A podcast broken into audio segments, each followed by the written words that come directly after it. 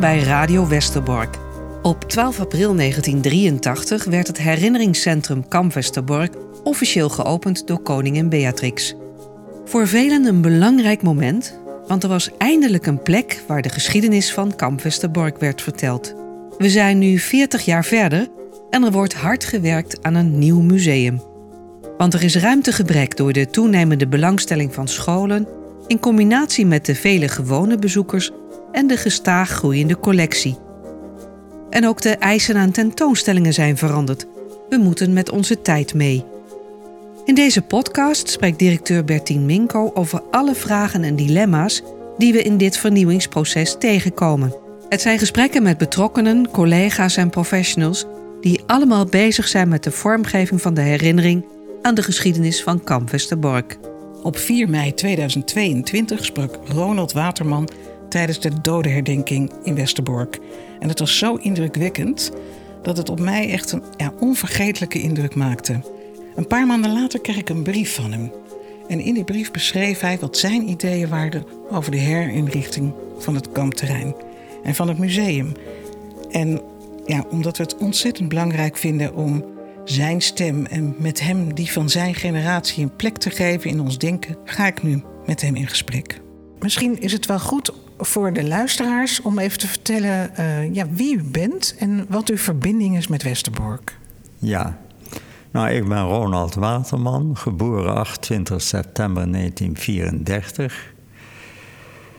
Ja, wat kan ik vertellen? Wat mijn achtergrond betreft, die is drievoudig. Ik heb gestudeerd chemische technologie, milieutechnologie en civiele techniek. Ik ben dus ingenieur, master of science en doctor. Ik werk in 55 landen. Nu de laatste decennia vooral civiel-technisch het ontwerpen van kustuitbreidingen vooral in dichtbevolkte, kwetsbare kust- en deltagebieden, waar schaarste is aan ruimte om te wonen, te werken, te recreëren, voor infrastructuur en tegelijkertijd de behoefte aan het in stand houden, zo mogelijk uitbreiden van milieu, natuur en landschapswaarden. En daarnaast speelt de factor veiligheid mede in verband met klimaatverandering. En uw liefde voor de natuur is begonnen? Die is begonnen in mijn eerste concentratiekamp Barneveld. Daar was een heel interessant gezelschap van mensen, muzici, hoogleraren, leraren enzovoort. En daartussen was dokter Emanuel Speyer, een entomoloog, een insectendeskundige. En die verzamelde insecten. En hij benoemde een aantal jonge mensen, waaronder ik. Ik was toen negen jaar of werd net tien. Om systematisch insecten daar te verzamelen. Die werden uit het kamp gesmokkeld en die kwamen uiteindelijk terecht in het huidige Naturalis in Leiden. Zo hebben we 23.000 insecten verzameld. En er is ook voortgevloeid, vlak na de Tweede Wereldoorlog, een interessante publicatie getiteld Entomologie in de Natiekampen. Ja, het is een hele mooie collectie. Ik heb er een fotootje van gezien van uh, allemaal verschillende torretjes en kevertjes en lieve heersbeestjes. En dan stel ik me voor die jongetjes, of misschien ook meisjes, die dat verzameld hebben. Eerst in Barneveld, maar later ook in Westerbork. Want u heeft bijna een jaar gevangen gezeten in Westerbork. Ja, het merendeel was uit Barneveld, maar er zijn ook enkele voorbeelden uit Westerbork. Klopt. Mijn laatste kamp was overigens Theresienstadt. Want u bent op 4 september 1944? Uh, eh, vertrokken wij in veewagens richting Theresienstadt. Waar we uiteindelijk werden bevrijd op 8 mei 1945. 8 mei, dat is heel laat geweest. Ja, wij waren helemaal aan het eind. Evenals Noord-Nederland is ook heel laat bevrijd. En wij kregen ook de restanten van concentratiekampen als Auschwitz, Boegenwald. Dus er waren de dodenmarsen en ook open veewagens met overlevenden waarvan een deel tijdens de tocht ook stierf en ook bij aankomst in Theresienstadt. En nu maak ik even een hele grote sprong naar deze tijd. Wij zijn bezig met de vernieuwing van, uh, met de toekomst eigenlijk van Kamp Westerbork. En u hoorde daarover en uh, u zei, daar heb ik wel ideeën over. Dus toen heeft u ons een brief geschreven. Ja, dat klopt. Want Westerbork is zeer belangrijk omdat daar uiteindelijk 108.000 mensen verbleven. Merendeel Joden en ruim 250 Sinti en Roma. En van die 108.000 inwonenden, tussen aanhalingstekens in Westerbork, zijn 102.000 mensen omgekomen. Dus het is een heel belangrijke herdenkingsplek voor wat er gebeurd is. En wat vindt u van hoe die plek er nu uitziet? Nou, er zijn een aantal uh, zeer positieve dingen. Dat is het monument van Ralf Prins, een ver familielid van mij overigens. Is absoluut indrukwekkend. Ik vind de Bielsenallee aangevende het spoor vanuit Westerbork naar het dreigende oosten. Immers, daar zijn aan verbonden namen Auschwitz, Sobibor, Bergen en Belsen en Theresienstadt. Met rechtopstaande bielzen die per transport aangeven het aantal mensen die overleden zijn, vermoord zijn door het naziregime. Dat vindt u heel indrukwekkend? Dat vind ik heel indrukwekkend. Dat zijn natuurlijk ook dingen die ik mis. Tegenover de gerestaureerde villa van kampcommandant Gemmeker behoort tenminste één, bij voorkeur meerdere barakken te staan van de slachtoffers. Ik denk zelf aan barak 85, dat was een grote barak. Waarin ik zelf verbleef. Met in rijen opgesteld driehoog ijzeren bedden met stroozakken die in de oorlog vergeven waren door vlooien. En die driehoog stellages die repeteerden zich langs de lange wand, langs beide wanden, telkens driehoog, driehoog, bank, tafel, bank, driehoog, driehoog, bank, tafel, bank enzovoort. Aan beide zijden, maar ook in het midden deze driehoogstapelingen. Met hun onderbrekingen, met aan elk uiteinde een washok met een uh, wasbak met kraantjes voor de mannenafdeling en voor de vrouwen- en meisjesafdeling. En buiten de brak een stenen huisje, wat ook wel ironisch genoemd werd de Château Rouge, met een plankier met ronde gaten waarbij je ruglinks tegenover elkaar zat. Op die twee rijen ronde gaten. Zo'n barak zou u eigenlijk vinden dat dat te zien zou moeten zijn op het kampterrein? Ja, er zou tenminste één barak tenminste zeker ook nog een strafbarak. Die natuurlijk onheilspellend was, omdat je vaak uh, daar heel kort verbleef om op transport te worden gesteld. Daar heeft ook Anne Frank met haar familie verbleven en ook mijn oom. In zo'n strafbrak kwam je terecht uh, als je bijvoorbeeld door verraad uit de onderduik was gevangen genomen. En dus niet als je jezelf had gemeld, maar als je, dan werd je een strafgeval en dan kwam je daar terecht. Dat klopt helemaal. En zo is niet alleen mijn oom, maar natuurlijk Anne Frank en vele anderen zijn in de strafbrak door verraad terechtgekomen. En u zei onheilspellend, omdat je als andere kampgevangenen wist dat die mensen uit de strafbarak zeker snel op transport gingen. Dat klopt helemaal. Daardoor was er ook over het hele kamp een sombere sfeer, omdat elke week uh, werden, vaak op een maandag, soms ook een andere dag, werden namen voorgelezen die de volgende ochtend vroeg op transport werden gesteld. Zodat elke week de spanning steeg tot het ultieme moment dat de naam werden voorgelezen naar hun onheilspellende bestemmingen. Ja, want niemand wist precies wat dat was daar in het oosten. Nee, men wist niet exact wat daar was, maar men wist met stellige zekerheid dat het ongunstig was. U schreef ons ook iets over het prikkeldraad en de wachttorens. Ja, de, eigenlijk al bij aankomst in Westerbork uh, kreeg je een beklemmend gevoel doordat je vierzijdig omringd werd door rijen prikkeldraad. Met uh, in de omheining op de hoekpunten en de middens bemande wachttorens door SS'ers. Uh, waardoor je natuurlijk heel sterk bedreigd en opgesloten voelde.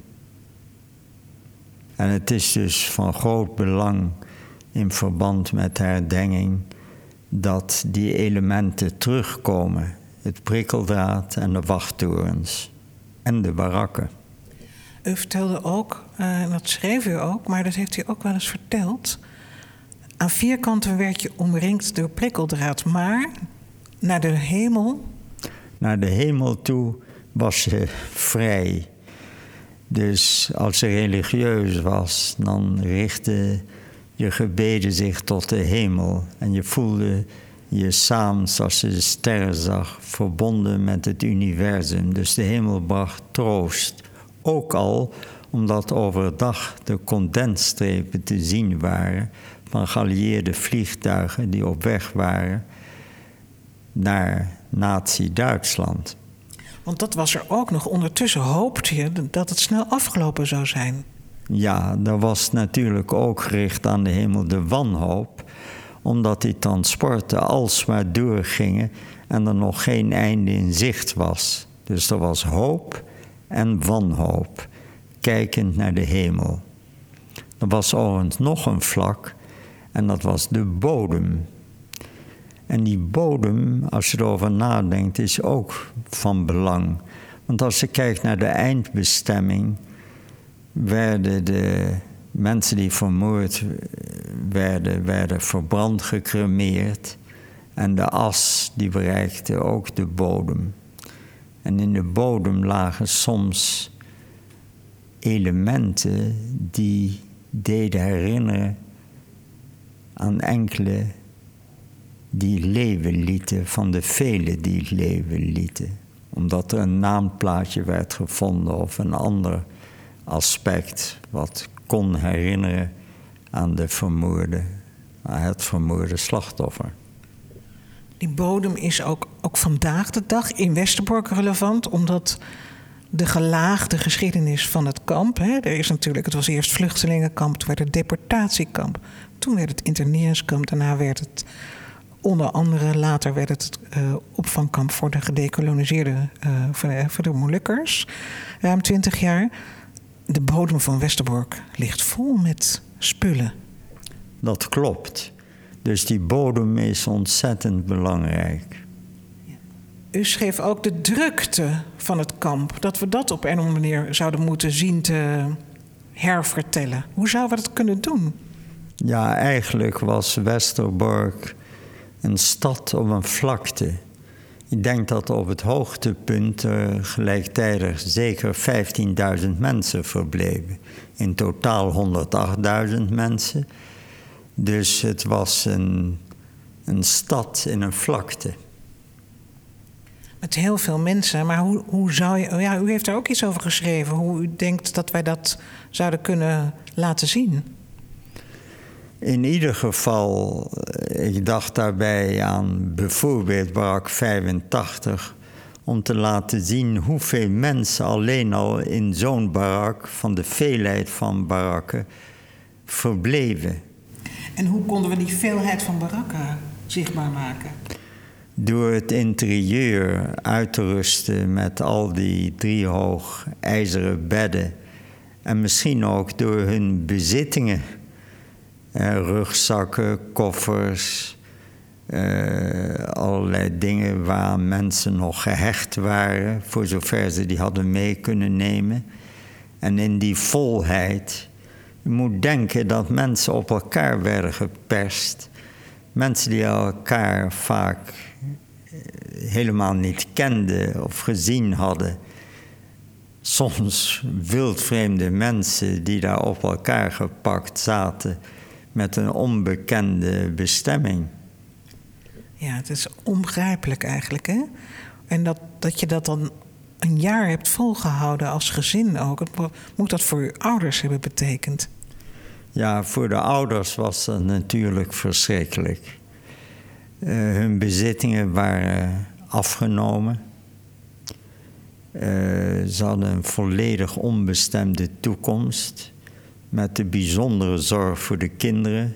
Wat gaat er gebeuren? de onheilspellende berichten en gedragingen van de naties. Zo onbegrijpelijk moeilijk moet dat zijn geweest. Er was een laatste element wat u opschreef, wat u belangrijk vindt. En dat vind ik zelf ook heel belangrijk. Dus ik vind het ook heel fijn dat u dat heeft opgeschreven. En dat gaat over het Jodendom. Ja, het, het, gaat over twee dingen. Het Jodendom. Wat is het Jodendom eigenlijk? Want het Jodendom is kaleidoscopisch. Met een enorme variatie van zeer religieus tot atheïstisch en alles wat ertussen zit. Naast religie ook levensfilosofie. En eigenlijk, als je het zou moeten karakteriseren, dan bestaat het uit een hele serie elementen. Dat is religie levensfilosofie, land van herkomst en toekomst, het Zionisme, wat verbeeld wordt door het volkslied Hatikwa, het lied van de hoop. Zolang zal de hoop niet sterven die ons volk houdt opgericht om het land weer te beërven waar Jeruzalem ligt. En er is natuurlijk ook de lotsverbondenheid in voorspoed, maar ook in tegenspoed en in rampspoed.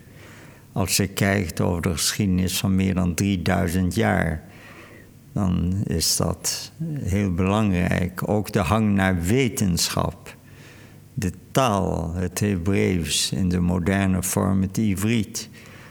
Dat zijn allemaal elementen die van groot belang zijn om het Jodendom te karakteriseren. En dat geldt zowel het Jodendom in het historische land Israël, het land van herkomst en toekomst, maar ook in de diaspora, omdat de Joden verdeeld zijn over de hele wereld. En wat ook ontzettend belangrijk is, als je nadenkt over de Tweede Wereldoorlog en het nazisme hoe de nazisten systematisch te werk gingen. Het begon met haatzaaien. Die Juden sind unser Unglück. Kauft nicht bei Juden. Frauen und Mädchen wehrt euch. Das internationale Judentum, wenn es das internationale Judentum noch einmal gelingen sollte, uns in einen zweiten Weltkrieg zu stürzen, wird das nicht das Ende Europas zijn, sondern das Ende der jüdischen Rasse. En hoe ging dat verder te werk? Het registreren van de Joden, definiëren volgens nazistische principe van Joden. Het registreren van Joden. Het merken van Joden met uh, Jodensterren. Uh, het concentreren van Joden, de instelling van Judenviertel, van ghetto's. En uiteindelijk van concentratiekampen, gevolgd door deportatie, vaak per treinen, vaak ook veewagens, naar concentratiekampen die gericht waren op vernietiging door dwangarbeid, door uithongering, door moorden, vergassen uiteindelijk die hele systematiek om miljoenen mensen, en zo zes miljoen Joden, te vermoorden is verschrikkelijk geweest. En die dreiging bestaat nog steeds. Je zou het kunnen noemen, en dat geldt tegenwoordig ook, als misdaden tegen de menselijkheid en genocide. Zeer van toepassing op wat er nu gebeurt tussen Rusland en Oekraïne. Zeker, dus het is uh, eigenlijk nog steeds springlevend en heel urgent om dit heel goed te vertellen. Nu ben ik de directeur en u bent een overlevende, gelukkig. Um, wat wilt u mij meegeven? Wat is de belangrijkste boodschap die mensen moeten meekrijgen als ze Westerbork, het, vernieuwde Westerbork, straks hebben bezocht? De hele geschiedenis, wat eraan vooraf ging en wat ik benoemd heb. Van haat zaaien tot vergassing en alles wat daartussen ligt. Het zichtbaar en invoelbaar en beleefbaar maken van wat er in de oorlog in Westerbork is gebeurd en waartoe heeft geleid. Uiteindelijk tot misdaden tegen de menselijkheid en genocide. Dat hele verhaal, gestaafd door harde gegevens, moet zichtbaar en invoelbaar worden gemaakt. Ik neem het uh, ter harte. Nou, ik wil u ontzettend hartelijk bedanken voor dit interview. En uh, nou, zeggen dat ik het heel mooi vind. En ik ben ook heel erg blij dat uh, u Francine Hoebe heeft ontmoet. En ook dat ik heel blij ben met uw brief. omdat ons dat heel erg sterkt in dat we dat wat we aan het doen zijn, dat we op de goede weg zijn. Ja, absoluut. Ik stel het ook bijzonder op prijs om u in levende lijven uitgebreid ontmoet te hebben. En zo mogelijk zetten we dat voort. Voor het goede doel. Voor het goede doel. Schouw, zou mijn vader gezegd hebben. ja. Lied gehaald. Met een hoofd vol verhalen en gedachten ga ik verder. Verder op mijn tocht, waarin ik mensen tegen ga komen met wie ik zal praten over de toekomst van het herinneringscentrum Kamp Westerbork, over de toekomst van onze geschiedenis.